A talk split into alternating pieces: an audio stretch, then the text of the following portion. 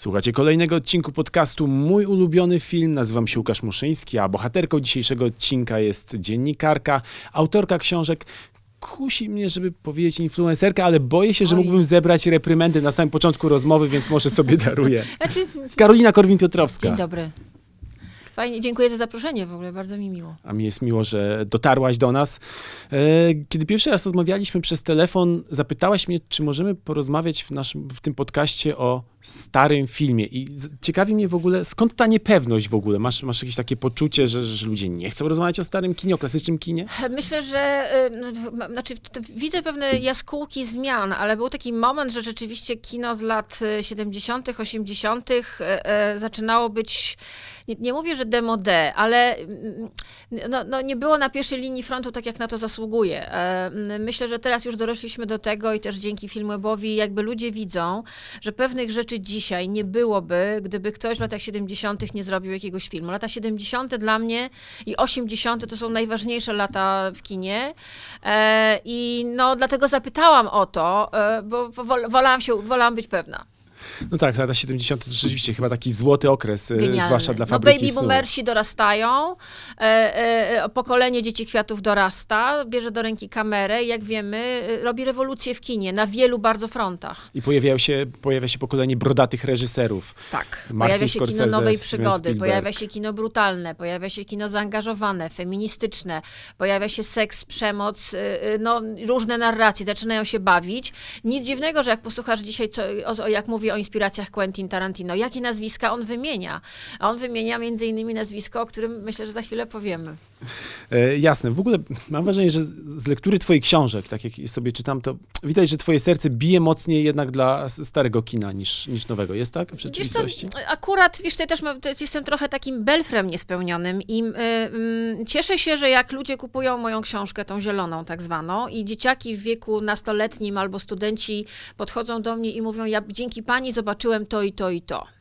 Bo ja w ogóle nawet nie wiedziałem, że są takie filmy, bo w telewizjach ich, ich już nie ma. To, zauważ, to są filmy, po które trzeba wiedzieć, gdzie sięgnąć i trzeba w ogóle wiedzieć, że one istniały. E, dzisiaj niestety no, jest film web, ale programów sensu stricte o historii kina praktycznie nie ma. E, człowiek, który po prostu przychodzi na świat i dorasta w normalnej rodzinie i nie jest jakimś totalnie zapalonym kinomanem, on nie wie o bardzo wielu zjawiskach, które dla nas są absolutnie normalne i my, my ma, mamy to na co dzień. Natomiast on nie wie i bardzo często, ja kocham ten moment, kiedy ludzie mówią, oj kurczę, naprawdę, ja zobaczyłem dzięki pani na przykład Noc Amerykańską. Jaki to jest fajny film, ale tam jest pomysł. Mówię, no tam jest pomysł, rzeczywiście. E, Więc y, jakby, y, y, dlatego te książki też trochę takie są, aczkolwiek jest tam sporo rzeczy współczesnych i muszę przyznać, że współcześnie jest parę takich rzeczy, że wyszłam z kina praktycznie na kolanach, e, jak na przykład Niedźwidmo, e, gdzie rzeczywiście ja byłam porażona tym, jak można fantastycznie grać z widzem, jak można fantastycznie opowiedzieć opowieść, którą wydawało się, że już znamy, a okazuje się, a można z zupełnie innej strony i można tak, że człowiek potem siedzi w kinie i myśli sobie, hmm, to kiedy jest następny seans? Tak, no myślę, że Paul Thomas Anderson też jest takim reżyserem, który świetnie odnalazłby się w latach 70. Tak, on też tak. odwołuje się w, w tak, swoim tak. kinie do twórczości mistrzów. A my tymczasem będziemy dzisiaj rozmawiać o filmie Dawno temu w Ameryce. Dawno temu w Ameryce, arcydzieło Sergio Leone, krótkie przypomnienie fabuły, rozgrywająca się na przestrzeni kilkudziesięciu lat historia przyjaciół dorastających na ulicach Nowego Jorku. Bohaterowie zakładają gang i wkrótce zbijają majątek na nielegalnym handlu alkoholem. Wraz z nadejściem końca prohibicji kompanów dotyka kryzys finansowy, zgrana niegdyś paczka powoli rozpada się, wybuchają między nimi coraz większe konflikty. W obsadzie m.in. Robert De Niro i James Woods, za kamerą, jak już wspomnieliśmy, mistrz Sergio Leone. I muzyka Ennio Morricone, bo to tu jest bardzo ważne. Tak jest. Kiedy pierwszy raz zobaczyłaś ten film? Właśnie usiłowałam sobie przypomnieć przed spotkaniem z tobą i myślę, że to były lata 90. E,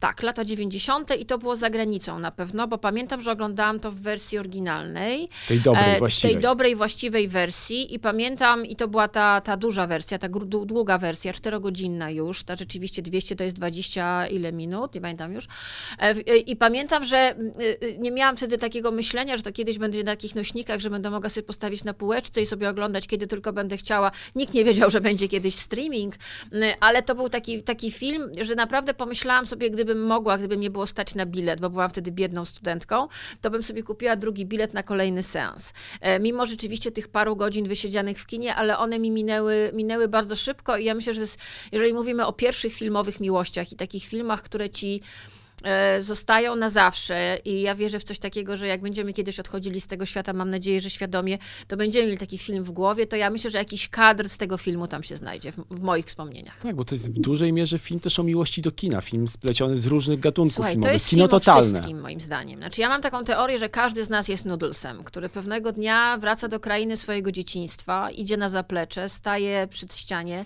wyjmuje deseczkę ze ściany i patrzy się na to miejsce, które kiedyś było pomieszczeniem, w którym pewna dziewczynka w białej sukience, w, białym stroju baletowym tańczyła, a on zakochany patrzył na nią. On po prostu chciał na nią patrzeć, był zakochany. E, e, Był zakochany w tej dziewczynie, która była ambitna, nadambitna, była zdolna, e, była emocjonalnie, no powiedziałabym, dość specyficzna, no ale była miłością jego życia. I patrzymy na wspomnienia. Każdy z nas jest nudlesem, każdy z nas ma taką ścianę, z której może wyjąć deseczkę, cegłę, cokolwiek, spojrzeć się i nagle widzimy coś, co zostawiliśmy za sobą. To jest moim zdaniem niesłychanie uniwersalna opowieść. Samo to, że Sergio Leone myślał o niej podobno ponad 10 lat, układał sobie w głowie, jak to ma powstawać. Zrezygnował z nakręcania Ojca Chrzestnego dla tego Tak, filmu. i wiedział, co robi, myślę. Znaczy, y, y, wiedział, że on opowie też historię mafijną, też historię gangsterską, ale w zupełnie inny sposób. Nie zostawiając nic w ogóle, ujmując Kopoli, który jest genialny i to, co zrobił, absolutnie padam na kolana, ale pomyślałam sobie, że każdy w tej audycji mógłby powiedzieć Ojciec Chrzestny, a dawno temu w Ameryce, widzisz, znowu moje belferstwo wychodzi, to jest taki film, który trzeba też poszukać? To trzeba wiedzieć, że on jest. No, w dzisiejszej telewizji kto ci puści 4 godziny kina? No na miłość boską to jest trudne. Titanic jest puszczany w, na dwie części zazwyczaj Tak, dokładnie, więc to jest bez sensu. A to jest coś, co trzeba usiąść i dać sobie ten czas. My się, my się jaramy po prostu jak głupi bateryjką, że Scorsese zrobił długi film. No to Leone po prostu, wiesz.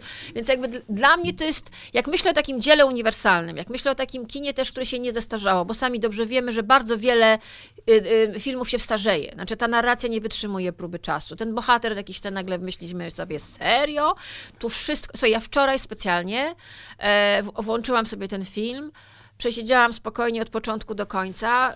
Miałam łzy w oczach w tych momentach, których zawsze mam.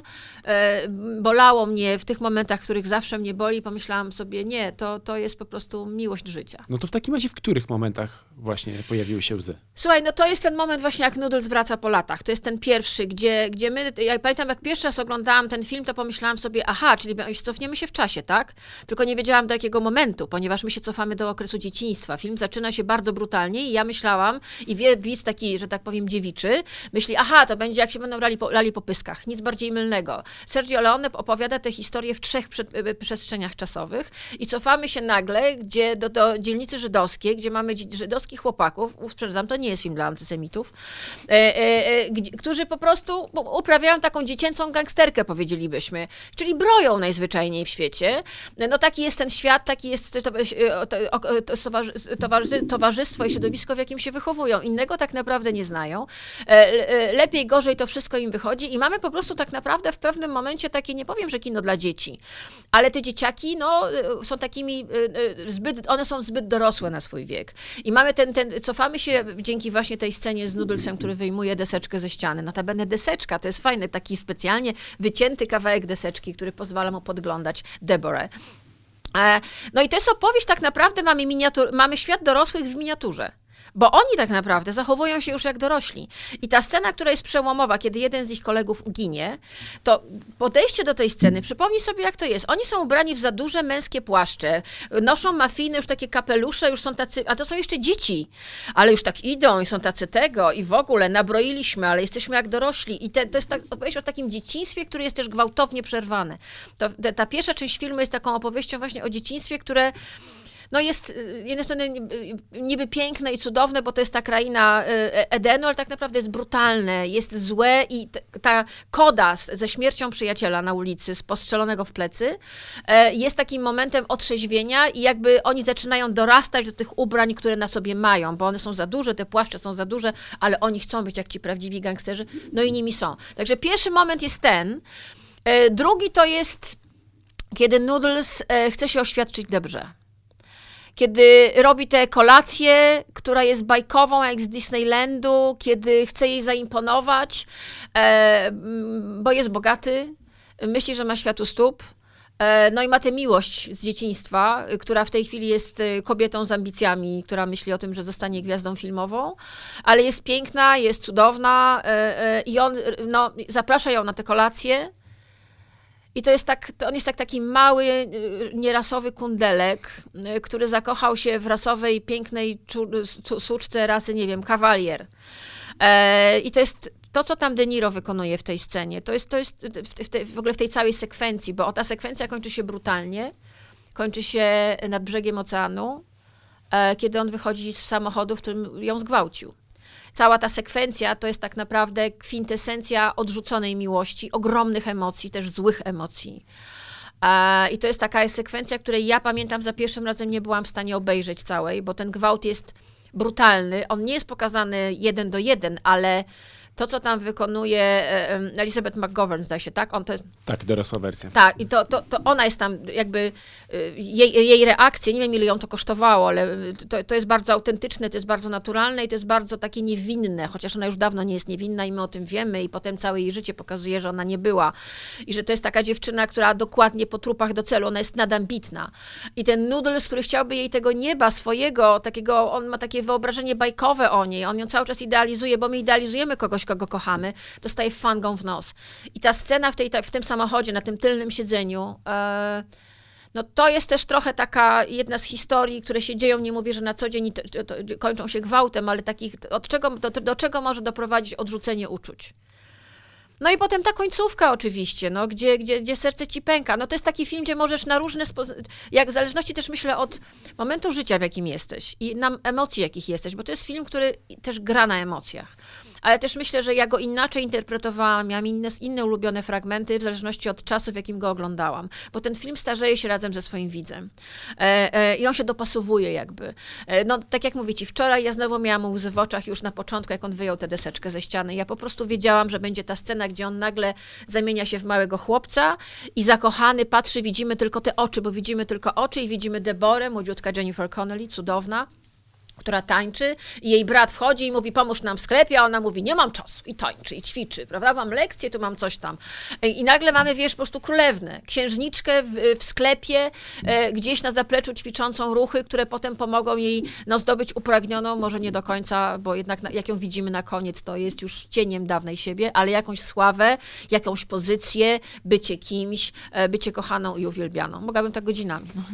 To jest właśnie ciekawe, wspomniałaś o tym, że ten film dojrzewa razem ze swoim odbiorcą, ale jest wiele filmów, które nie przetrwały próby czasu. Często ci się zdarza coś takiego, że na przykład wracasz do filmów, które oglądałaś lata temu i byłaś w nich Mhm. zakochana i oglądasz je na nowo i widzisz, że ta No, miłość jednak była od, chybiona. odbyłam bardzo fajną rozmowę z, z paroma naszymi kolegami fo, po, po fachu i też rozmawiałam ten temat z Błażejem Hrabkowiczem na temat historii małżeńskiej, e, ale to nie o niej będzie, ale o tym jakby, że ten film jest kolejnym łańcuszkiem, e, jakbyśmy robili taki łańcuszek z koralików, najlepsze filmy o rozpadach związku ever zrobione w kinie, no to jest ten ostatni, rzeczywiście absolutnie moim zdaniem fenomenalny, fenomenalny film.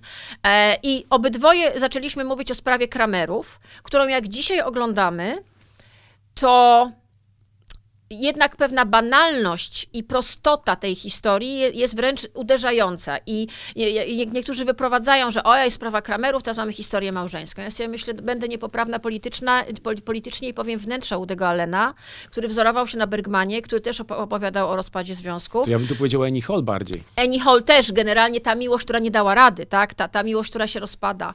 E, więc myślę, że e, Sprawa Kramerów jest takim filmem, który swego czasu też, jak spojrzymy w jakim kontekście on miał premierę w, w Stanach Zjednoczonych, gdzie mieliśmy w ogóle historię rozwodnika, rozwód, co w ogóle tego nie było do tej pory tak pokazanej. No mamy Dustina Hoffmana, no mamy genialną Meryl Streep i mamy dziecko, które jest równorzędnym bohaterem tych dorosłych bohaterów, co też było znamienne. E, I mamy historię też rozpadu, brutalną historię rozpadu związków. Wtedy to było zjawisko, wtedy to było wydarzenie. Takich filmów, to był pierwszy tak mocny film. Pierwszy z potem bardzo wielu, które powstały. I do tego to, że powstał w Ameryce, to dało mu dodatkową trampolinę. Ludzie to obejrzeli obejrzeli. To było szaleństwo. No. Scena z pieczeniem tostów, do dziś to pewnie ogląd, pewnie sam masz dzieci, pewnie próbowałeś kiedyś zrobić francuskie tosty. No, ale generalnie wiemy o co chodzi, tak? I mamy tę Meryl Streep, która, to jest też przełomowa rola, kobieta, która zostawia swoje dziecko, a my do końca nie jesteśmy powiedzieć o niej, że jest suką. My do końca czujemy w niej ładunek pierwiastek żeński, a to, e, ludzki, a to na końcu, kiedy ona go zostawia, zamykają się drzwi windy i ona oddaje pole, też robi to z miłości, e, bo zdaje sobie sprawę, kto kocha bardziej i kto jakby dalej, bardziej da radę. Myślę, że jednak po latach ten film w całości, jako całość, nie do końca spełnia moje oczekiwania. To mi tak właśnie ostatnio y, wyszło, że przy, przy, historii małżeńskiej, bo jakby no rzeczywiście mamy kolejną fenomenalną opowieść o rozpadzie związku na bardzo wielu płaszczyznach pokazano. I myślę, że no, no to tak mi przychodzi tak, tak na gorąco. Do historii małżeńskiej pewnie jeszcze wrócimy w trakcie naszej rozmowy, ale wróćmy do pewnego razu w, dawnego, dawno temu w Ameryce. Tak. To jest taki film, który dzisiaj nie miałby chyba szansy powstać. Ponad 4 godziny, właściwie Leone podobno dysponował materiałem na 6 od 6 Słuchaj, do 10 plotka, godzin e, I to filmu. się pojawia e, e, też w filmie dokumentalnym o Sergio Leone, który, Leone, który oglądałam, że rodzina twierdzi, że ma 10 godzin tak, dodatkowego materiału filmowego. No to powiem tak, ja bym usiadła i obejrzała te 10 godzin, ale kiedyś też inaczej kręcono filmy. Poza tym pamiętajmy, jaką pozycję wtedy miał reżyser. Znaczy, to też jest taki czas, gdzie jak miałeś nazwisko, a on miał, to mogłeś sobie żądać. I rzeczywiście no, za, tym szły, za tym szły też pieniądze. Ale oczywiście on się sam śmiał, yy, poczytałam sobie trochę o nim i rzeczywiście lubię go jako człowieka, bo wiesz, zrobił siedem filmów, wyrósł w, w rodzinie artystycznej i pierwszym słowem, który powiedział było klaps, a nie mama. To też jest znamienne. Poza tym, tak jak ja był chory na serce całe życie, więc ja zawsze mam skłonność do sercowców. E, ale wiesz, był człowiekiem ogromnej pasji. Jak tak sobie popatrzysz, jak on, jak on, też wielkiego szczęścia. No bo wiesz, przyjeżdża do Ameryki i od razu, wiesz, asystent przy Benhurze, no na miłość boską.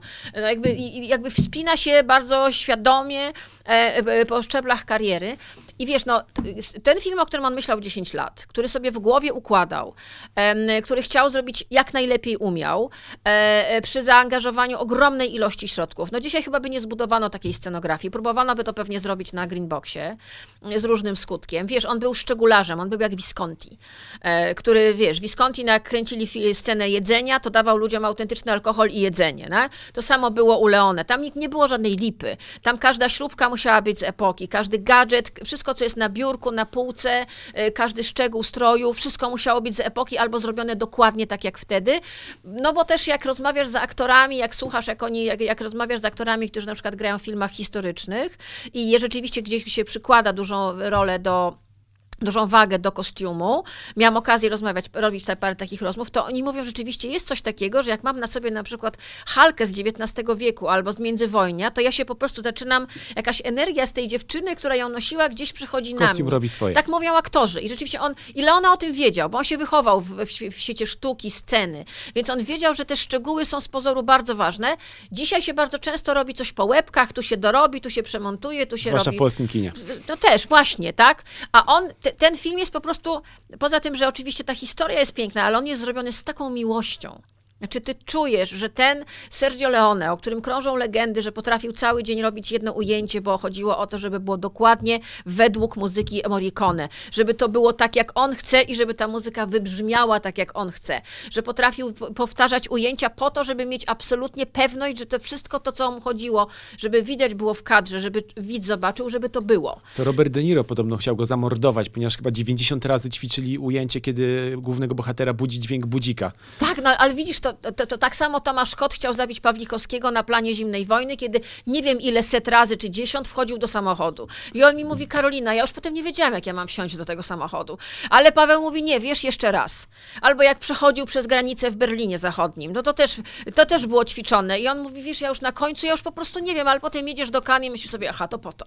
Po to robiłem tyle tych dubli, tak? Że już, że on wybiera ten jeden naj, naj, naj, najlepszy. No i rzeczywiście też no, on pokazał ten film w Cannes i, no i to też jest cała dość e, wstrząsająca opowieść o tym, że e, film ma w Europie inną wersję, w Ameryce inną wersję. Europejscy krytycy mówią woła, arcydzieło, a, arcydzieło, Amerykanie. a Amerykanie mówią szajs bez sensu. Najgorszy film roku. Najgorszy film roku, film roku. W ogóle co to za syf jest, bo mu przemontowali film w wersji amerykańskiej. Wersja europejska była wersją pełną e, i nagle się okazało, że wiesz, no tak naprawdę on umarł przez ten film On wtedy miał, zaczął mieć bardzo poważne problemy ze zdrowiem, nie wytrzymał tego napięcia, nie wytrzymał tego ciężaru.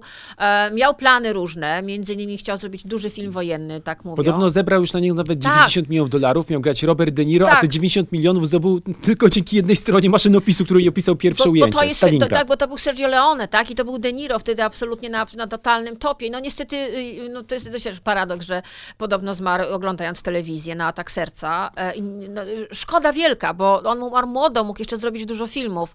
E, no ale też był takim właśnie człowiekiem, który szedł na jakość, a nie na ilość. To też jest piękne. To też były takie czasy, że reżyser mógł sobie pozwolić, nie był, e, nie, nie był tak bardzo jeszcze uzależniony, one już powoli wchodziły, od wyniku kasowego. Znaczy, jeszcze te szaleństwa były, były możliwe.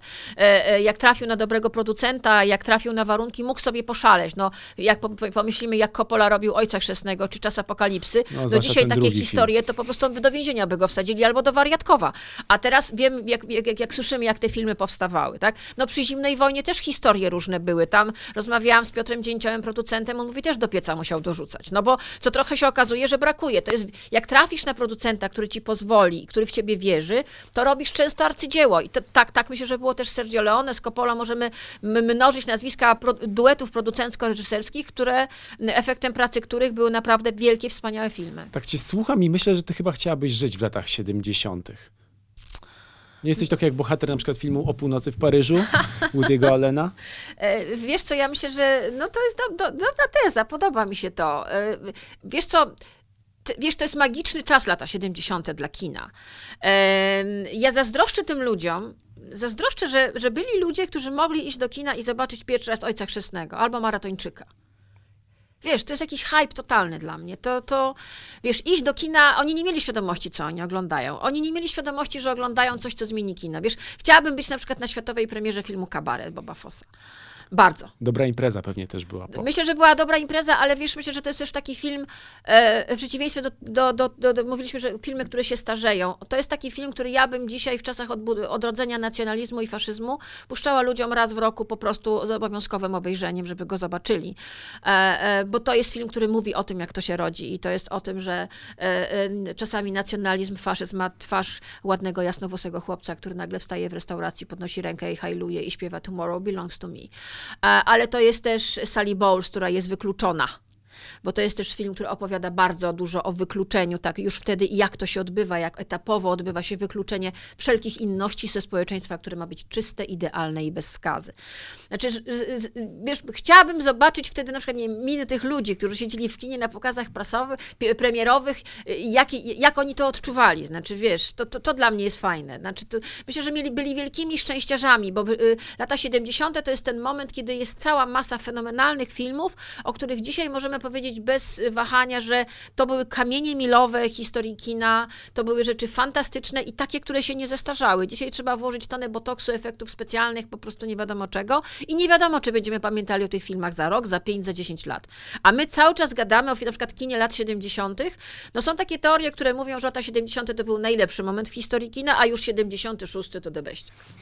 No właśnie, to jest też ciekawe pytanie. Czy w tym naszym współczesnym świecie, oplecionym przez światłowody, rozpęconym, pełnym niepokoju, artysta ma jeszcze szansę stworzyć dzieło trwalsze od spiżu? Czy po prostu jest tak, że no właśnie, co sezon to mamy jakiś hit, ten hit znika i mm, potem to wszystko się jakoś gubi? No, jak używamy słowa artysta, to myślę, że już od razu y, y, y, nadajemy temu wartość. Ja myślę, że są artyści i są wyrobnicy. Tak jak zawsze, w każdym zawodzie. I myślę, że artysta y, będzie miał szansę. Jak, jak patrzę na przykład, co na polskim y, podwórku robi Paweł Pawlikowski, to ja nie mam pytań. Tak? Mamy bardzo świadomą swoją własną drogę rozwoju, e, ro, drogę kariery, konsekwencje w myśleniu, w tym jak te filmy powstają i w, w języku filmowym, jakim mówię. E, Więc myślę, że artysta tak. E, Też myślę, że mm, jeżeli nie wchodzi w wielkie e, kontrakty do wielkich wytwórni, e, ma szansę. No bo to jest ta słynna historia przy Jokerze, że przecież proponowali Feniksowi rolę w filmach Marvela, ale jak on zobaczył, jak te kontrakty wyglądają, Miał że on jest niewolnikiem, to stwierdził, że nie, nie jest nienormalny, on tego nie zrobi. Po prostu on woli w jednym filmie, a dobrym zagrać. I rzeczywiście coś takiego jest. Znaczy, to jest myślę, że w dzisiejszych czasach bardziej niż kiedykolwiek jest kwestia między wyborem, między mieć czy być. I to dotyczy, artysta myślę, że bardziej wolałby być niż mieć, jeżeli mówimy o artyście przez duże A. A myślę, że o takim, o takim kimś mówimy i myślę, że jakbyśmy tak sobie spokojnie usiedli na zobaczyli na listę premier ostatniej dekady, no to mamy filmy ważne. Mamy filmy, które myślę, że przetrwają i o których będziemy mówić. I nawet w tegorocznym rozdaniu Oscarowym myślę, że są takie filmy, e, e, które no, przetrwają i, i, i ta próba czasu będzie dla nich łaskawa. Tak, to jest też ciekawe, mm, kiedy zaczęłaś mi wymieniać filmy swoje ulubione, to powiedziałaś, że jeszcze ewentualnie może coś Jean-Pierre Melville'a. Czyli co, w kręgu zła, samuraj. Ciebie ciągnie takich um, kina sensacyjnego, Ja bardzo lubię dobrą gangsterkę. Bardzo lubię dobrą gangsterkę, skąd, stąd mam wielką słabość do Pasikowskiego i do psów. Bo ja lubię dobrą gangsterkę. Widziałaś już trzecią część? Widziałam. I co? Powiem tak, e, ja byłam nastolatką, jak poszłam na psy pierwsze. E, I od tej pory Bogusław Linda stał się moim pierwszym polskim skurwysyńskim superbohaterem. Takiego bohatera Polska nie miała. E, jako człowiek z rodziny, która była pognębiona przez władzę ludową, y, też zdziwiłam się sama sobie, że reaguje śmiechem na Janek Wiśniewski padł. Mój ojciec się do mnie pół roku nie odzywał. Że jak to? Mm, to jest film mojego pokolenia. Ja jestem 40. Plus. Mm, w związku z tym to jest film dla mnie bardzo ważny i Bogusław Linda, e, czego by nie zrobił tak naprawdę jako Franc, jest, jest, jest okej. Okay. Przypuszczam, ja, że ten długi wstęp prowadzi teraz do krytyki. Pro, pro, prowadzi do tego, że mam tysiąc uwag że ten film mógłby się lepiej skończyć, bo on się zaczyna świetnie. On się zaczyna po prostu tak, że myślisz sobie, łoła, zapnijmy pasy. Potem jest trochę gorzej. Myślisz, że zabrakło kasy e, i pewnej konsekwencji. Czy chcemy w, wrócić do pewnego, pewnej stylistyki psów pierwszych, o której dzisiaj możemy też powiedzieć, patrząc na ten film z perspektywy ponad 25 lat, że to był też film, który bardzo dużo powiedział o Polsce tamtych czasów. Co nie było zamierzone, a nagle patrzymy na to i mówimy, kurczę, Pasikowski był prorokiem, on to przewidział. On to przewidział, co zrobimy z naszą historią, co zrobimy ze słowem patriotyzm, y, co zrobimy w ogóle z nami, z naszym myśleniem, z naszą mentalnością, z naszą moralnością, co, co zrobimy. Bo dwójka już była bardziej komercyjna, komercyjna, tam nie o to chodziło. I myślę, że Pasikowski chciał w trójce nawiązać do tego. Tam mamy ewidentne nawiązanie do sprawy Stachowiaka e, i fajnie, że to się pojawia, że jest ten motyw. Tylko, że to jest moim zdaniem niepociągnięte i on się trochę tak bujał. Czy on chce zrobić tylko gangsterkę, mocną gangsterkę, czy, czy chce jednak e, osadzić to troszeczkę bardziej w realiach tu i teraz. To mu się udało, ale tak w połowie drogi moim zdaniem. I to jest mój zarzut. Plus myślę, że budżetu nie starczyło na sceny takie szerokie, że tak powiem, bo to jednak jak się robi strzelankę, jak się robi gangsterkę e, e, z tak zwanym zakonaną rozpierduchą, to to trzeba mieć worki pieniędzy. Myślę, że trochę tego zabrakło, ale powiem tak, moment, kiedy na ekranie pojawia się Franc, a potem, kiedy pojawia się Morawiec, to ja sobie usiadłam w, w kinie i pomyślałam sobie, dobra chłopaki, kupuję was. Wiesz, dla mnie postać Franca Maurera, ja mam nadzieję, że ktoś kiedyś napisze na ten temat mądrą książkę. Nie wiem, to jest taki polski Batman. On musi być tak, musi tak wyglądać. Musi mieć ten garniturek, musi mieć tą koszulkę, musi mieć to spojrzenie, musi cedzić te słowa, musi mieć tą motorykę ciała. To się nic nie zmieniło. Przybyło tatuaży, bo co robi facet w więzieniu? Tatuuje się. A on siedział trochę jednak. E, I wiesz, i wychodzi z tego więzienia i myślimy sobie, jest, wrócił. I myślę, że Pasikowski jest, to nie jest film idealny, myślę, że e, osierocony trochę widz Wegi. e, pójdzie na to, chociaż to jest parę półek wyżej niż Vega, bo tam widać te emocje, tam widać tę miłość. Ja byłam na planie tego filmu i ja widziałam, że panowie generalnie czuli się trochę jak na koloniach. Oni się spotkali po wielu latach. Różnie im się życie potoczyło i oni wreszcie znowu są w tych, na tych samych śmieciach, ale nie do końca są to te same śmieci. Oni mieli poczucie, rozmawiałam z Pazurą, że te 25 lat coś robi. To jest też 25 lat w ich głowach jako ludziach, nie, aktorach, w ogóle mężczyznach, najzwyczajniej w świecie. I wiesz, oni mieli taki fajny powrót do czasów dzieciństwa filmowego, młodości filmowej, ale też Pazura mi to powiedział, ale widzi pani, tu stoją te dzieciaki, no kurde, goni trzeba.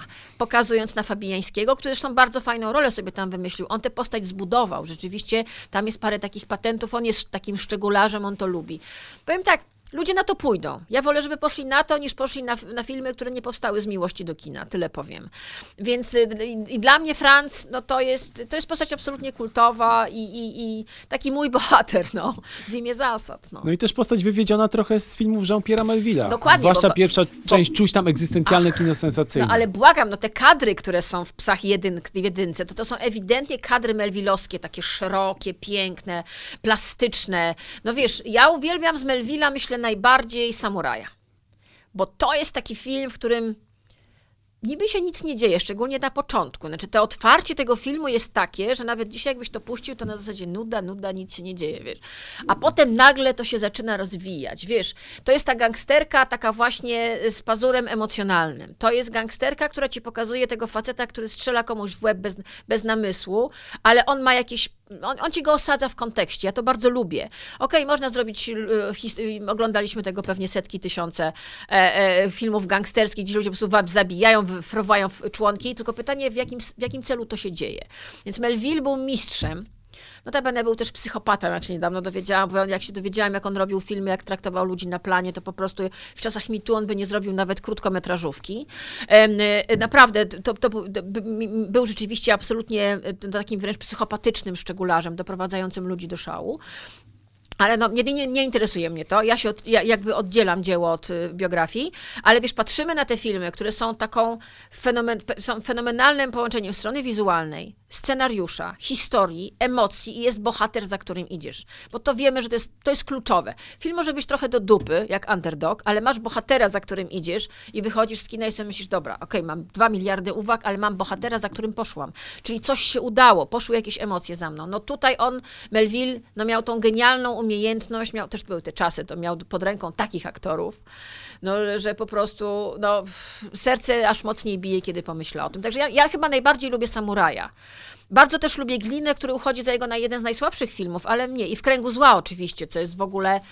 Oh, a co cię tak ciągnie do tego brudnego, szorstkiego świata facetów, którzy właśnie podążają za zasadami, nawet jeżeli ciągną one ich na dno? To może być też świat też, też, też babek, bo we francuskim kinie kryminalnym też no, zdarzały się tego typu historie Simon Signore kiedyś kiedyś zagrała, można powiedzieć, kobietę mafii.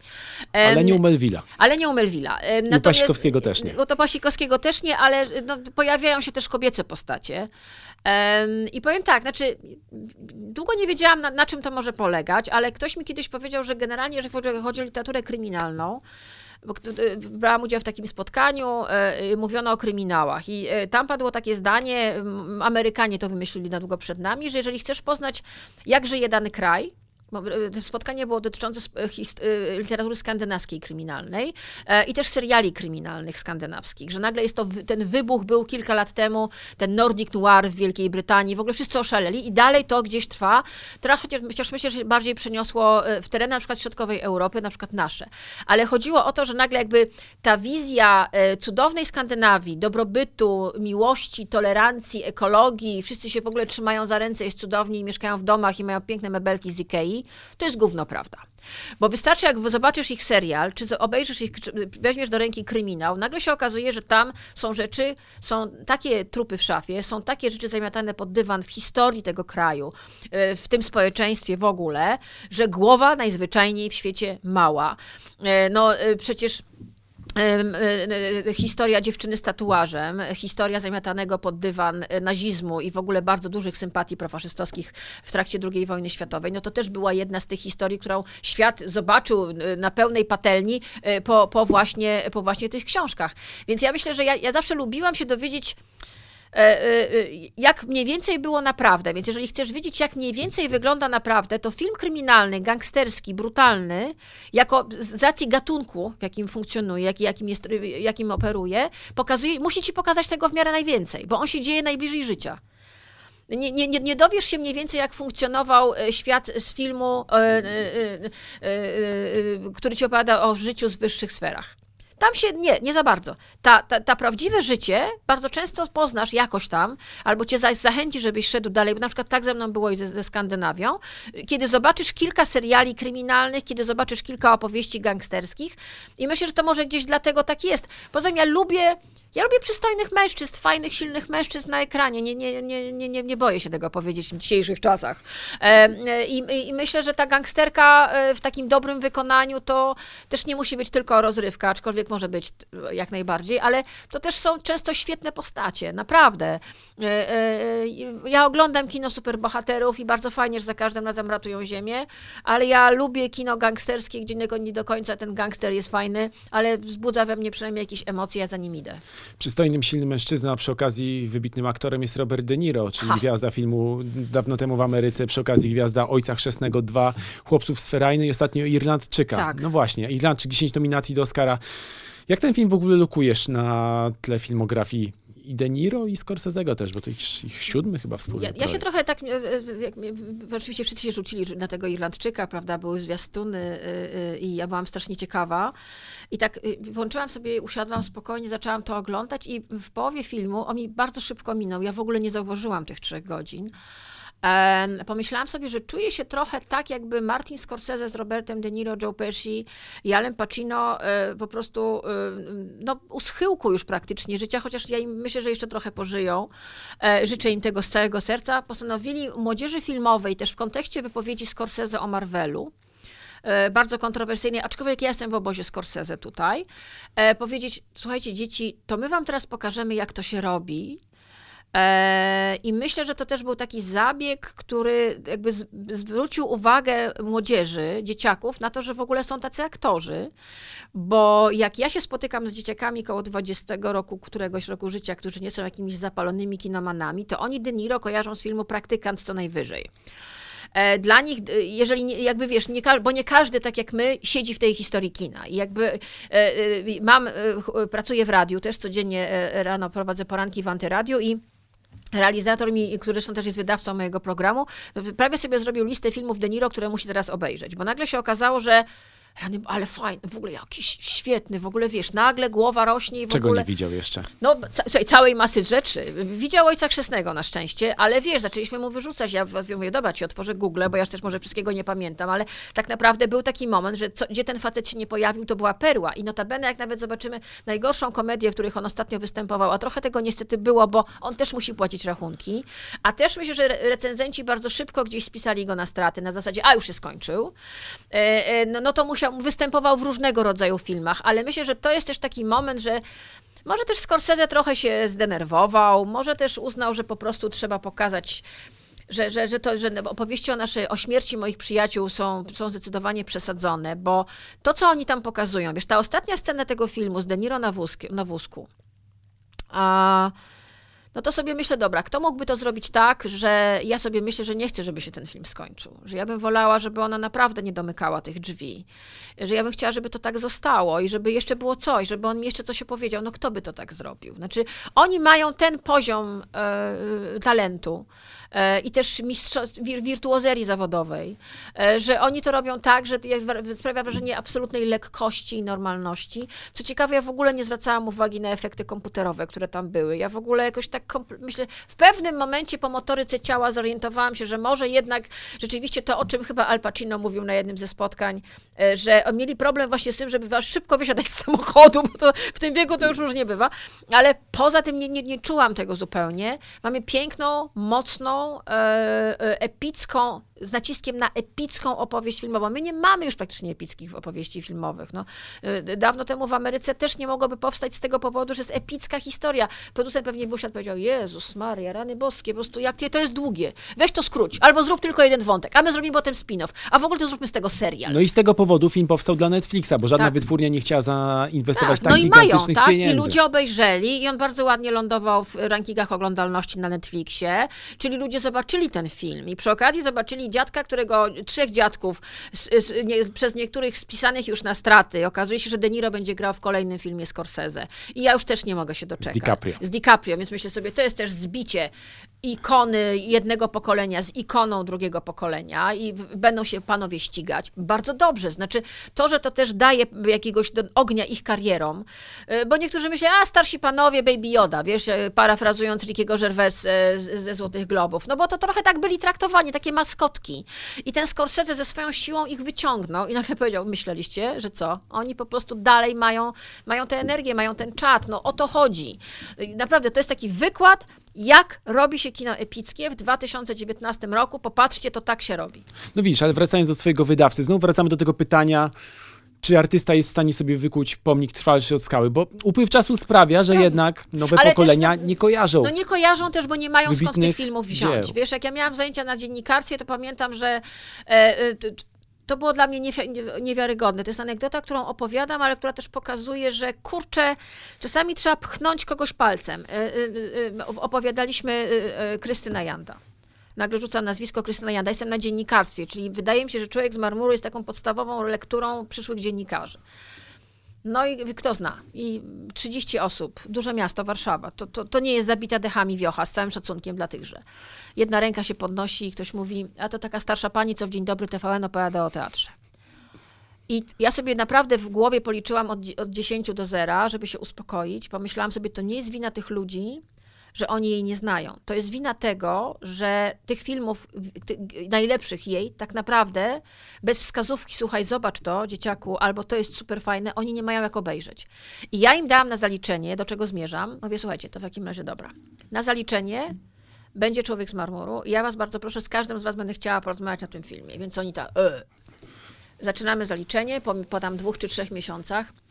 Ja się y, żałuję, że e, Andrzej Wajda nie żyje, bo mógłby usłyszeć interpretację feministyczną filmu Człowiek z, ma- z, żela- z marmuru, przepraszam, gdzie dziewczyny mówiły przede wszystkim, dla nich to w ogóle nie jest film o polityce, tylko dla nich to jest film o silnej lasce, która kopie facetów po jajach. Wygląda fenomenalnie, jest totalnie sexy, bierze sobie faceta kiedy chce, bo one wyłapały ten moment, że ona tego birkuta to tam już wyhaczyła i ona mu nie daruje tej koszulki rozpiętej tutaj. E, e, I oczywiście pytanie, czy pani wie, czy taki worek e, to można na Pinterestie albo gdzieś w ogóle online sobie kupić. I teraz sobie myślę, że ten film, gdyby go fajnie dzieciakom pokazać, e, w tym kontekście właśnie, słuchajcie, to jest film o lasce, która kopie facetów po jajach. To w ogóle nie jest o polityce. Ko- pokolenie dzisiaj, młode studentów, ono tego tak nie czyta. Oni tą bohaterkę kupują i mówią, ale ona fajna, ale w ogóle jaką sylwetkę, a ty, jak ona chodzi, wiesz. Patrzyłam i myślę sobie, kurczę, to jest zupełnie inna, to jest zupełnie inny sposób myślenia o tym filmie. Więc i, i, oni nie wiedzieli, skąd ten film znaleźć. Potem część z nich w ogóle mi mówiła, że zaczęli szukać. Krystyna Janda i tam, zaczęli, a bez nieczulenia, wie pani, ona sam w samych majtkach. Mówię, no w samych majtkach, ale bardzo dobry film. Jakby, wiesz co, to jest to, że my nie dbamy jednak, moim zdaniem, o to, żeby, słowo edukacja, niektórzy uciekają, ale trochę takiej filmowej, podstawowej edukacji by się przydało. Takiej, żeby, żeby te, te pomniki nie porastały psi, y, y, kupami ptaków, które będą przelatywały nad nimi, tylko żeby ktoś się czasami sprzątał i myślał sobie, o, kurczę, feministyczne kino. Nie wiem, czy Wajda wiedział, że zrobił feministyczny film.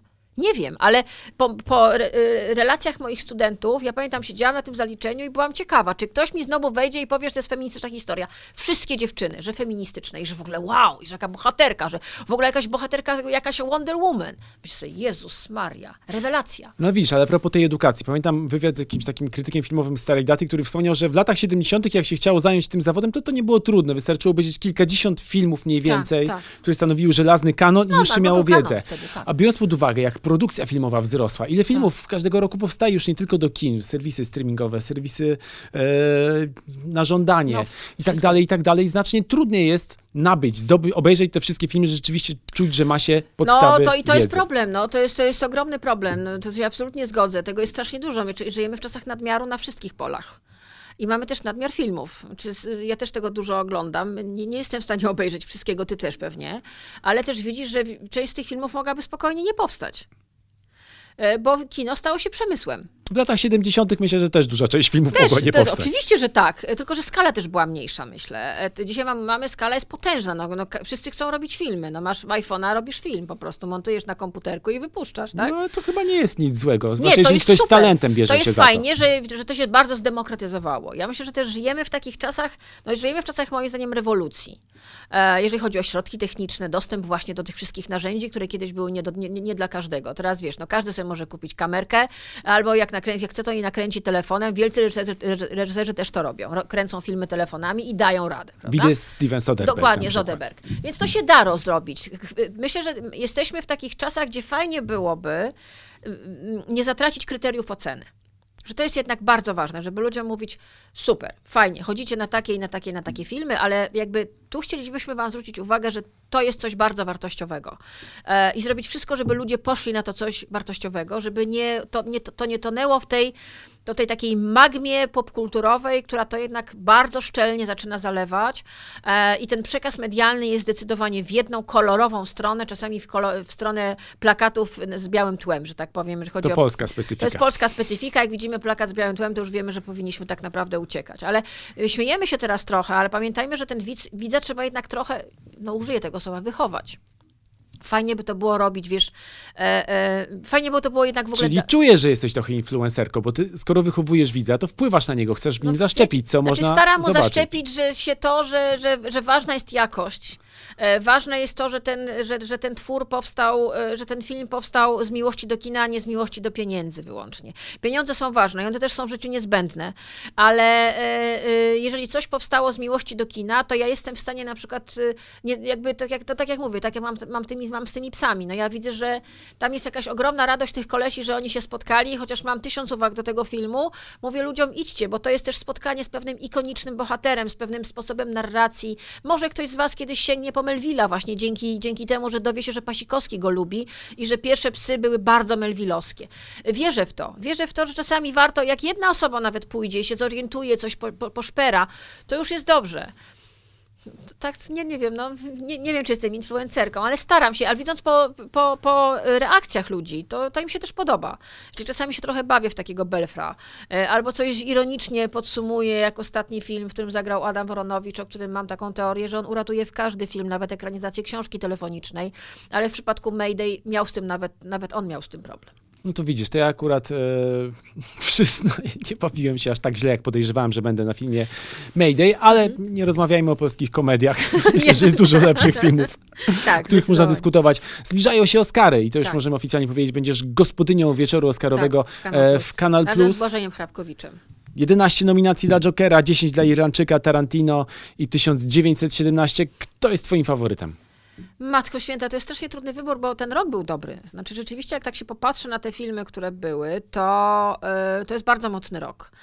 Em, powiem tak, y, ja nie podzielam takich absolutnych zachwy- zachwytów nad Tarantino i uważam, że y, on się bardzo pięknie żegna z nami, bo za chwilę będzie się z nami żegnał, ale może by po prostu zatrudnił lepszego montażystę i e, no, nie wytrzymywał tych ujęć już tak do końca, że po prostu ja mówię, dobra, no, no już wiemy, wiemy, że tam jest bardzo ładny pejzaż, ale może już to skończysz. No jakby, no mam trochę problem. E, mm, Jestem, jestem w obozie Irlandczyka, ale myślę, że Scorsese nie dostanie, bo już trochę tego ma, e, więc e, jest e, e, uznanym mistrzem.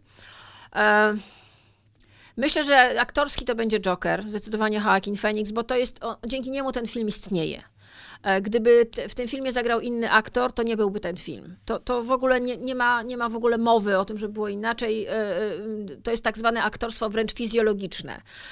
To, co on wykonuje w tym filmie, to jak on skupia uwagę widza i to jednak ciągnie tę historię, to jest po prostu niewiarygodne. To jest bez precedensu, myślę, w historii kina i to jest głównie, to myślę, że to jest Joaquin Phoenix. Aktorska to myślę, że Zellweger. E, Ja nie jestem fanką tego filmu, a jestem fanką jej w, w tym filmie. E, Trochę sobie, trochę znam e, postać Judy Garland i bardzo mi się... powrót też. Bardzo tak, bardzo mi się, znaczy to jest w ogóle to jest historia bardzo wieloznaczna, bo pamiętajmy, że rozmawiamy o aktorce, która zagrała fenomenalnie w Bridget Jones. Ale po, po tym, jak za każdym razem, jak zagrała w tym filmie, to nie pytali ją, jak ona to zrobiła, że zagrała, tylko jak schud, przytyła, a potem jak schudła. Ona jest ofiarą, myślę, też takiego podejścia naszego współczesnego, znaczy mediów mainstreamowych, do osób publicznych, do aktorów. Oni są rozliczani z tego, jak wyglądają, y, y, a nie jak grają, jakimi są artystami. Taki zawód. Trochę też tak, natomiast myślę, że w, przy, w jej przypadku, ze względu chociażby na te wahania wagi, które były uwarunkowane wyłącznie rolą, przesadzono. Znaczy, jeżeli ja czytam w poważnej gazecie amerykańskiej tekst o tym, czy jej operacje plastyczne wpływają na jej środki aktorskie, to zaczynam się zastanawiać, czy aby na pewno chce żyć na tym świecie. Bo to, e, to, to się bodaj dwa lata temu okazało. I to, było na takiej zasadzie, po pierwsze nie było, nie, nie wiadomo, czy na pewno wszystko zrobiła sobie jakieś tam operacje plastyczne, poza tym to jest jej prywatna sprawa, poza tym naprawdę samo stawienie takiej tezy, jest już dla mnie jakimś przegięciem. E, I nie, ja się nie dziwię, że ona w pewnym momencie się wycofała, bo ona tego chyba nie uniosła emocjonalnie. E, I trochę jej losy są podobne do losów Judy Garland, bo jak tak popatrzysz, Judy Garland, która też padła ofiarą mediów, samej siebie, oceny swojej, swojej osoby. No, no dziecko, które było chowane na gwiazdę od trzeciego bodaj roku życia, e, e, e, od, od, od dzieciństwa szprycowane lekami na różne możliwe sposoby. Dziecko, które było chowane pod tym koszmarnym hollywoodzkim kloszem, o którym też Elizabeth Taylor opowiadała, jak tam to wyglądało, jak oni byli traktowani. Dziecko, które nie miało swojej osobowości tak naprawdę, któremu odbierano prawo do decydowania o czymkolwiek. I nagle mamy, i grają Zellweger, która też stała się, jakby jej jej postać publiczna stała się takim awatarem, który się do niej gdzieś tam przyczepił. Ona jak żyła w jakby dwóch światach. Kobieta, która przez jakiś czas no, wycofała się i nagle, wiesz, miała prawie rok na przygotowanie tej roli. E, zrobiła moim zdaniem fenomenalną rzecz i lubię czytać, że ona ludzi w tym filmie wkurza. Ponieważ ona jest dokładnie Judy Garland. Judy Garland, która jak zobaczysz e, na YouTubie, jest cała masa archiwalnych nagrań z nią to masz, masz widzisz la, ba- babkę, która widać, że jest na, na skraju załamania nerwowego. Nie jesteś w stanie do końca czasami na nią patrzeć, szczególnie ostatnich, z ostatnich miesięcy życia nagrania, gdzie widzimy kogoś, kto nie do końca kon- kontaktuje, kto albo zachowuje się dziwnie, bezczelnie, czasem brutalnie, jest, ma, ma wymęczone, wychudzone ciało, wymęczoną, wychudzoną twarz, a jednocześnie spuchniętą. Widać, że jest po prostu jakimś wrakiem człowieka i to, co Zellweger zrobiła, dając też godność tej postaci na koniec, jest dla mnie fantastyczne. Dla mnie to jest absolutnie to. Jeśli chodzi o film, zabij mnie, nie wiem. Znaczy, y, dałabym Parasite'owi. Ale to, y, nie wiem, znaczy, wiesz co, znając te kulisy tej nagrody, o której coraz więcej wiemy, że po pierwsze wiemy, że akademicy nie oglądają filmów wszystkich. Y, Głównie y, sugerują się wskazaniami krytyków, rankingami i nagrodami branżowymi. E, Sami akademicy o tym mówią, tak? Zważywszy na to, że też, no, pamiętam słowa Pawła Pawlikowskiego, jeżeli masz odpowiedni budżet, to masz tego Oscara. E, I nie mówię tutaj o przekupywaniu ludzi, chodzi o budżet reklamowy filmów. E, Tak naprawdę no, będziemy mieli do 9 lutego wielki, wielką bitwę na budżety reklamowe, na, na, na, na placementy, na wszystko, na wywiady, na bicie, bicie, bicie piany. Wiesz co, ja tak naprawdę strasznie kibicuję Bożemu Ciału. E, Nie wiem, czy cud nastąpi. Bardzo wątpię, bo jednak Almodowar e, No jest wyjątkowo mocna konkurencja jest- w tym roku. Nie, to, to, to, to, to, że oni się w ogóle w tej totalnej konkurencji dostali tu, gdzie się dostali, nie mając dystrybucji amerykańskiej. E, czyli normalnie nie chodzą w kinach. Nie było recenzji tego filmu. Ta recenzja Variety wymarzona okazała się teraz Po nominacji entuzjastyczna. do Oscara. Po nominacji do Oscara i on wchodzi teraz w dystrybucję, więc jakby wiesz, to, to, to jest naprawdę dowód na to, że jest bardzo mocny film. To może zadziałać na zasadzie takiej, że słuchajcie, ale masz jakieś superacy dzieło z nadwisły, bo dla mnie to jest film doskonały. Więc ja trzymam kciuki za Boże Ciało. Chciałabym, żeby Joaquin Phoenix dostał, bo też jestem ciekawa jego przemówienia. Myślę, że walnie jak trzeba. Jestem ciekawa, mam nadzieję, że zostanie Zellweger. Cała reszta jest tak potwornie mocna stawka w tym roku, e, że wiesz, ta, ta noc będzie dla mnie i tak, powiedziałabym, pełna emocji, y, bo tam To szykujemy różne, różne fajne rzeczy. Y, Bardzo serdecznie Państwa zapraszam. Myślę, że będzie y, i merytorycznie, i zabawnie, bo tak chcemy to wy- wypośrodkować, bo mam taką teorię, że o czwartej nad ranem to człowiek już nie musi słyszeć o, o, o kinie z Burkina Faso, tylko chciałby mniej więcej się zorientować, w czym uczestniczy. Więc postaramy mu się to zapewnić.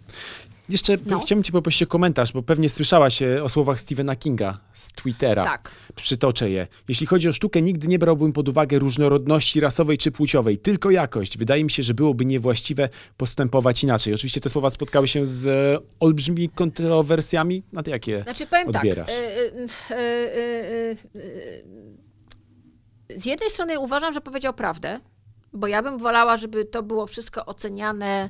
E, najlepiej to było tak, żeby krytycy oglądali filmy nie wiedząc, kto jest ich reżyserem. Czy kobieta, czy mężczyzna, kolorowy, czy nie, e, gej, czy lesbijka, może hetero, a może nie wiem co.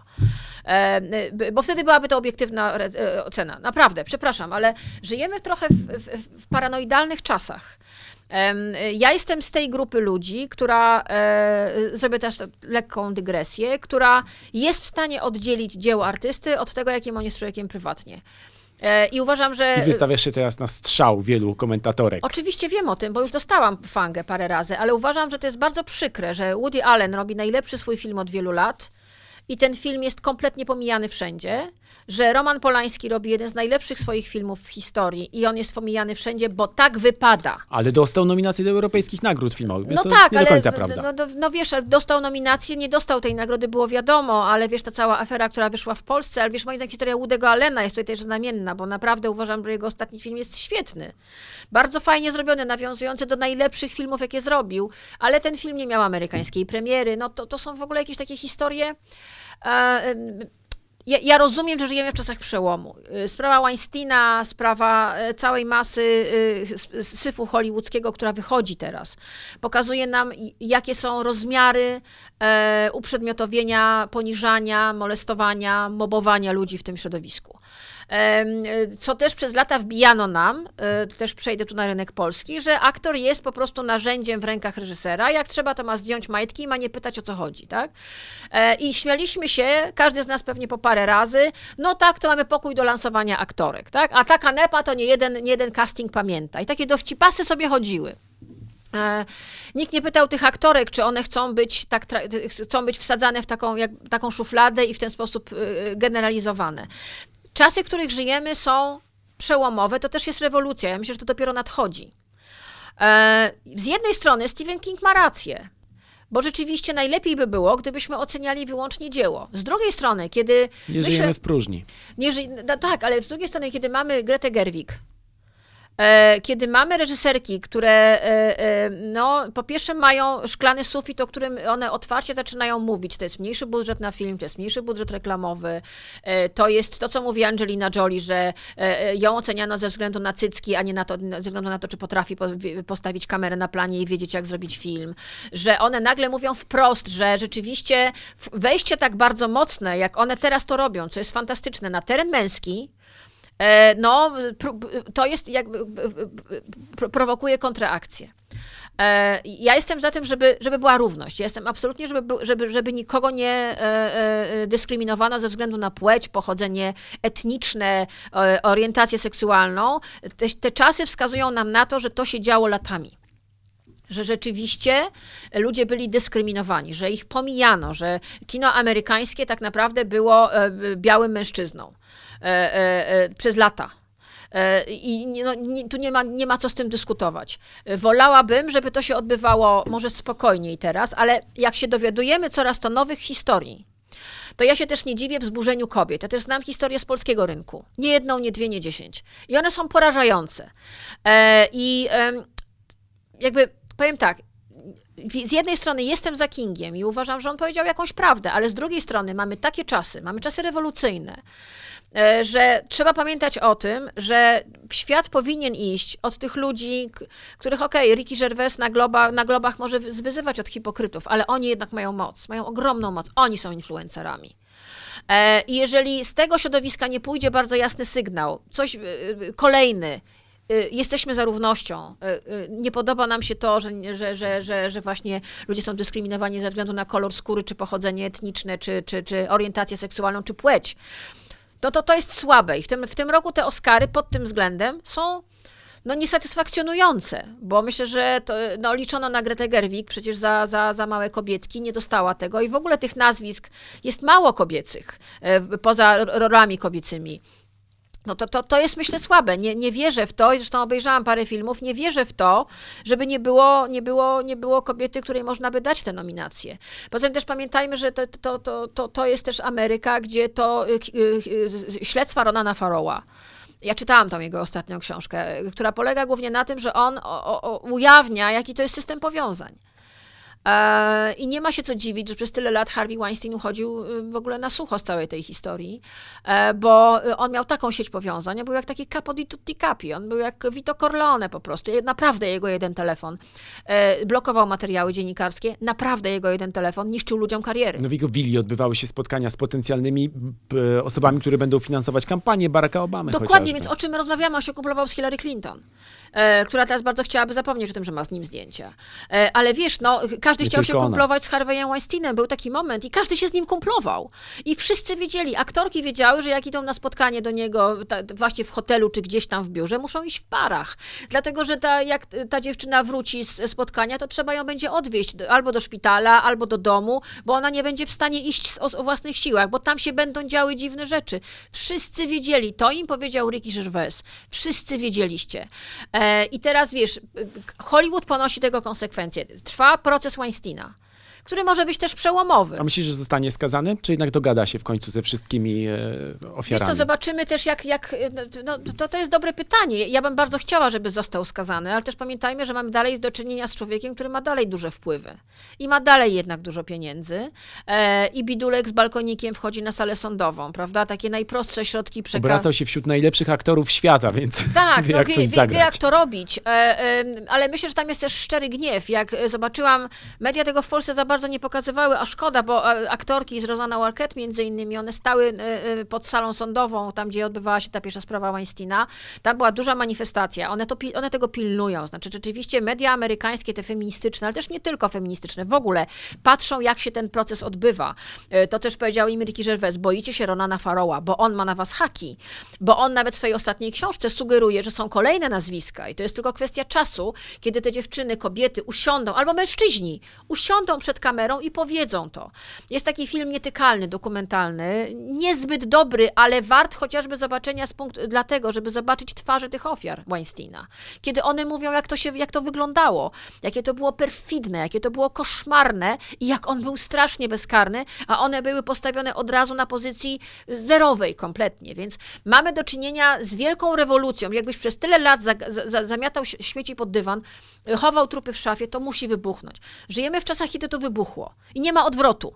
Pytanie, co będzie dalej. E, Ja oglądam teraz ten serial Morning Show, który tak naprawdę jest historią o tym, Nowa produkcja Apple Plus, Reese Tak. Witherspoon, Jennifer Aniston, fenomenalna Aniston. Mamy historię to, dokładnie o tym, ale też historię o tym, jakie są konsekwencje tego, co się dzieje. E, My, my, my będziemy się musieli nauczyć na nowo postępować. Wiesz, ja rozmawiam na przykład z ludźmi, którzy pracują na amerykańskich planach. Rozmawiałam z Kasią Adami, która mi mówi, nie, no normalnie na planie jest y, y, osoba, do której możesz się zgłosić i powiedzieć, że ktoś tam coś powiedział, coś zrobił, czujesz się niekomfortowo. Jakby rzeczywiście relacje są zupełnie inne. Znaczy generalnie nigdy tam nie, za bardzo nie było tak, żeby reżyser szedł- z aktorami na wódkę, jak to miało miejsce w Polsce. Nie, tam generalnie jest pewien podział, podział kompetencji, ale ona pytam ją, jak to jest? Tam to jest, tam to działa. I rzeczywiście o to się bardzo dba, może nawet przesadnie z polskiego punktu widzenia, ale oni czują, że przez lata strasznie nagrabili. Strasznie nagrabili. Samo to, że mamy świadomość, że przez długie, długie lata w amerykańskim kinie ciemnoskóry aktor mógł zagrać jedynie służącego albo kamerdynera, to Chyba, to... że był Sydneyem Poitier. No, no dokładnie, ale to też to był, ten, to był ten jeden rodzynek, tak? A potem też długo, długo nic. Kiedy ze sfery muzycznej, wiesz, patrzymy dzisiaj na Jacksona i mówimy, dobrze, zrobił dużo bardzo złych rzeczy i ja tego absolutnie mu, to, to jest, zrobił to, ale z drugiej strony słuchasz e, mu, cie- ciemnoskórych muzyków, którzy mówią, że jak on odbierał swoje pierwsze Grammy, to w telewizji puścili reklamy, żeby nie pokazać ciemnoskórego, który wchodzi na scenę i odbiera nagrodę. I że dla nich, jak oni potem, jak on wszedł i y, potem już odebrał, no normalnie to Grammy na następnym, następnym razem, to był ten moment przełomowy, że nagle mamy ciemnoskórego artystę popowego, który wychodzi na scenę i po prostu odbiera nagrodę i to jest dla nich jest. Więc my nie znamy kontekstów tamtego kraju, my, my tam nie mieszkamy. My nie wiemy, co tam tak naprawdę buzuje, co tam się tak naprawdę dzieje, że wiesz, mamy teraz pierwszą aktorkę azjatycką, która e, dostaje, mam nominację do Złotego Globu, cieszymy się jak głupi bateryjką Aquafina, e, a tak naprawdę ilu tam jest aktorów azjatyckich, którzy grają? I nagle myślimy sobie, dobra, to tyle lat musiało minąć i my się tak bardzo cieszymy, że dopiero teraz mamy nominację, to co oni byli tacy beznadziejni, czy co zadziałało? Świat się zmienia. Świat się zmienia i ja myślę, że Stephen King, on, y, on trochę jest, wiesz, w tych latach 70. Dawno temu w. Ameryce. Dawno temu w Ameryce. Świat się zmienia. Y, On potem się tłumaczył i tłumaczył się nie głupio nawet. Ja rozumiem, o co mu chodzi, ale to jest trochę tak, że wiesz, dzisiaj media społecznościowe są fantastyczną, fantastyczną rzeczą, ale dzisiaj jak nigdy wcześniej Nigdy przedtem trzeba ważyć słowa, szczególnie w społecznościówkach. Ja się tego nauczyłam, bo parę wpadek miałam. I ja wiem, zanim coś napiszę, ja patrzę i zostawiam to sobie na kilka minut. Emo- na, nie robię nic już na emocjach, absolutnie, ponieważ musisz pomyśleć sobie, obejrzeć tego tweeta, ten post na Instagramie czy na Facebooku z tysiąca różnych stron i pomyśleć sobie, czy kogoś nie urazisz. Włącza ci się własny krytyk i autocenzura, nie ukrywajmy tego. A zdarzyło ci się na przykład skasować jakieś stare posty z Facebooka? Eee, wiesz co? Nie za bardzo. Zedytowałam je. Tam już teraz jest historia edycji, więc ale nie, wiesz co? Jeden, mia, mia- miałam jeden, bo rzeczywiście puściłam fake newsa. I to też bardzo uważam teraz na fejki, bardzo, bardzo, bo tego jest bardzo dużo, ale w świecie filmu na szczęście mało, prawie wcale. To jest głównie politycznie, ale myślę, myślę nie. Ja też jakby też e, znam trochę to środowisko i y, y, nauczona ponad 20-letnim doświadczeniem wiem jedno, że tu też trzeba ważyć słowa, bo ja, my znamy tych ludzi. My też wiemy, na czym polega ten zawód. My wiemy, jaka to jest totalna charówka po to, żeby wyjść, zrobić scenę, ujęcie i potem idziesz do domu i też musisz dalej funkcjonować. Ale też dajesz ludziom coś absolutnie niewiarygodnego, tak jak mówię, no, film, chociażby film dawno temu w Ameryce, prawda, o którym możemy godzinami rozmawiać. To To jest magiczny zawód, a jednocześnie najbardziej skurwysyński na świecie, ponieważ on cię przemieli, on cię zniszczy, on cię wyciśnie, a z drugiej strony da ci tę adrenalinę, da ci miłość ludzi, da ci może, może życie wieczne. Więc wiesz, ja też znam, ja też nie chcę tych ludzi za bardzo urażać. Mnie bardzo boli to, co mnie boli i tego nie ukrywam. Jak mam wielkiego aktora, świetnego aktora, który na przykład marnuje się w beznadziejnych produkcjach. E, I y, Jest paru takich na polskim podwórku. Niestety. I patrzę na to i tu uderzam w dzwon, bo myślę sobie, człowieku, robisz sobie straszną krzywdę, bo potem będziesz siedział i będziesz płakał, że najlepsze lata swojego życia, kiedy mógłbyś może grać mniej, może zarabiać mniej, ale spędziłeś grając, okej, może w masowych produkcjach, ale nie na skalę twojego talentu, a ten talent trzeba szlifować, on musi wymagać kolejnych fajnych wyzwań, a nie grania w kółko tej samej postaci, to potem będziesz siedział i będziesz płakał, kurczę, czy ja zrobiłem ze swoim życiem. To też jest umiejętność znalezienia się w tym zawodzie, ale też może nie każdemu daje, daje się od razu wielki talent, ale tak jak mówię, jak jest aktor czy aktorka o wielkim talencie i my to czujemy, że to jest po prostu diament i nagle widzimy, że on zaczyna robić jakieś bardzo dziwne rzeczy, to uważam, że y, rolą takich osób jak my jest powiedzieć, chłopie, zatrzymaj się. I to nie dlatego, że my cię teraz hejtujemy, tylko dlatego, że my kochamy twój talent. I my chcemy cię oglądać w fajnych rzeczach, a jak oglądamy cię w jakimś szajsie, my rozumiemy, ty masz kredyt. Ty chcesz sobie kupić fajne rzeczy, ale pamiętaj, ty musisz ileś do końca życia być w tym zawodzie. Chyba, że będziesz nagle, nie wiem, deweloperem zostaniesz jak Milowicz, prawda? E, e, ale Słowem, szanuj się. szanuj się. Znaczy, to jest to. Więc jakby ja, tu, po, poza tymi sytuacjami, kiedy boli mnie, jak oglądam wielkiego aktora w czymś fatalnym, staram się ważyć słowa, bo ja wiem, że ci ludzie też muszą żyć, muszą funkcjonować, robią czasami zwariowane rzeczy. Oni są bardzo emocjonalni, muszą być, bo to jest taka praca. E, są czasami kompletnie pokręceni. To, to jest generalnie mm, biznes dla wariatów. No. Tu- tu- Tutaj ktoś o mentalności księgowego będzie miał trudne życie. On tego nie zrozumie. To jest, to jest wariacka sytuacja i te układy między ludźmi też są wariackie. Może Stephen King tego też do końca nie rozumie, że tu się też dzieją różne rzeczy, które sobie z zewnątrz, ktoś patrzy i myśli sobie, Jezu, jaki to jest oni są nienormalni. Dla tych ludzi w tej danej sytuacji, w tym danym kontekście, na przykład na planie filmowym czy gdzieś, to jest normalne. Kiedy widzisz aktora, tak jak ja widziałam, którego reżyser bierze za głowę i wkłada mu głowę w błoto, żeby mu pokazać, jako, jakie emocje ma wzbudzić w sobie, że upada w to błoto. Ja to widziałam na własne oczy. To Powiesz, który reżyser? y, pianista polański z Brodim. To jest scena, gdzie on pada w błoto z tymi cegłami na plecach. I ja, ja wtedy byłam oficerem prasowym na planie. I ja widziałam, tam był dubel za dublem, płaszcz za płaszczem. Było i kilka tych płaszczy, już kolejne, o kostiumy ledwo żyły. Był ostatni płaszcz. I ostatni moment, żeby, żeby zrobić to ujęcie. I to nie wychodziło, no, no nie stykało, no widać było. I Polański, który jest spokojnym człowiekiem, ale też on potrafi odegrać. I on odgrywa, on w ogóle aktorom odgrywa. Dla mnie było naprawdę, ja wiem, to jest niepo- niepolityczne teraz, ale to było dla mnie zjawisko patrzeć na niego, jak on pracuje z aktorami. On odgrywał te wszystkie sceny, pokazywał, biegał. Był wszystkim, był żydowskim dzieckiem, był SS-manem i był, był pianistą. I nie wytrzymał tego. No widać było, że po prostu jest jakaś... Patrzyli na siebie, za chwilę się pozabijają. To jest atmosfera na planie, no, nożem ją można było ciąć. I on go po prostu wziął i wcisnął to w to błoto. I tam był taki... W, nie, no wkurw w tym aktorze, ale taki, że on na szczęście nie zabił reżysera, jak wiemy, tylko poszedł, założył kolejny płaszcz, i s- wpadł to błoto tak, że brawa dostał. Bo nagle wiesz, i teraz tak, okej, mam, to jest sytuacja na planie. E, reżyser, aktor. E, I teraz tak, no dla nich to było normalne. Oni pracują, oni chcą mieć scenę. Dla kogoś z zewnątrz prz- przemoc. Ale ile ja takich sytuacji widziałam na planach przeróżnych? Okej, jak się na przykład biją po twarzach, y, to jest normalne, że trzeba powiedzieć, ja cię teraz uderzę, ale na przykład niedawno mi Maciej Kawulski opowiadał, z Włosokiem była scena, w ostatnim filmie, jak zostałem gangsterem. gangsterem. I Włosok sam powiedział, walcie mnie naprawdę. I oni nie wiedzieli, czy mają dzwonić po pogotowie, bo on chciał naprawdę dostać po ryju. Potrzebne mu to było. I teraz tak, ktoś patrzy z zewnątrz i myśli sobie, Jezus Maria, dzwonię na policję. Ale ci ludzie na tym planie, którzy robią konkretną scenę, są w konkretnej sprawie, jest taki kontekst, a nie inny, oni myślą sobie, dobrze, robimy to. Chcemy mieć scenę, tak? I ta scena jest. I aktor jest po prostu, i na mordę ma spuchniętą, ale jest szczęśliwy, bo ma to, bo to jest zawód dla wariatów, ja to nie jest zawód dla normalnych ludzi. I ważne, żeby był happy end na końcu, tak jak w przypadku pianisty. Trzy Oscary, w tym za reżyserię i pierwszoplanową Tak, rolę i, męską. i, i fantastycznie, czy wiesz, to też człowiek z zewnątrz, czasami trudno jest mu zrozumieć, że oni biją się o ten efekt. Że to jest dla nich strasznie ważne, że my to robimy, czasami się damy kopać, poniżyć, jesteśmy nieprzytomni, chcemy się pomordować, rozstrzelać, nienawidzimy się, ale jesteśmy tą rodziną, która pracuje na, jeden, na, jeden, na, na- ten koniec. I to jest dla nich ważne. Człowiek z zewnątrz, który nie złapie tej specyfiki tego zawodu, nie zrozumie. Ale myślę, że to jest podobnie w korporacjach, gdzie ludzie pracują, żeby podopinać jakieś, jakieś, jakieś nie wiem, sprawy różne, swoje biznesy. To jest podobna sprawa. To jest specyfika tej grupy zawodowej. I dlatego, jeżeli na tym tle jednak powstają sytuacje takie, że na przykład ktoś nie zagra w jakimś filmie, bo nie poszedł z kimś do łóżka, e, e, e, albo nie zrobił czegoś, tak? albo miał inny kolor skóry, albo dowiedzieliśmy się, że jest gejem i dlatego czegoś nie dostał, a nie dlatego, że jest kiepskim aktorem, to to jest coś, co trzeba tępić, to jest coś, o czym trzeba mówić, ponieważ e, myślę, że to jest też trochę coś, o czym mówi King, że trzeba traktować ludzi równo. równo. Traktujmy się rzeczywiście równo, wreszcie, tak, traktujmy się wreszcie, wreszcie równo, a nie, że aktorka słyszy na planie, co ty dzisiaj PMS-a masz? Tak mi opowiadają aktorki, tak nie wolno. Bo ona się, oczywiście niektóre się już potrafią odbić, tak? A tobie dawno nie stawał? I nagle zdziwko, że ona taka chamska. Nie, ona nie jest chamska, bo ktoś był chamski wobec niej. Ja tego na przykład mówię to dziewczynom, kiedy one mnie pytają, jak mam zareagować na takie akcje. Mówię, to się zapytaj, czy mu nie stanął.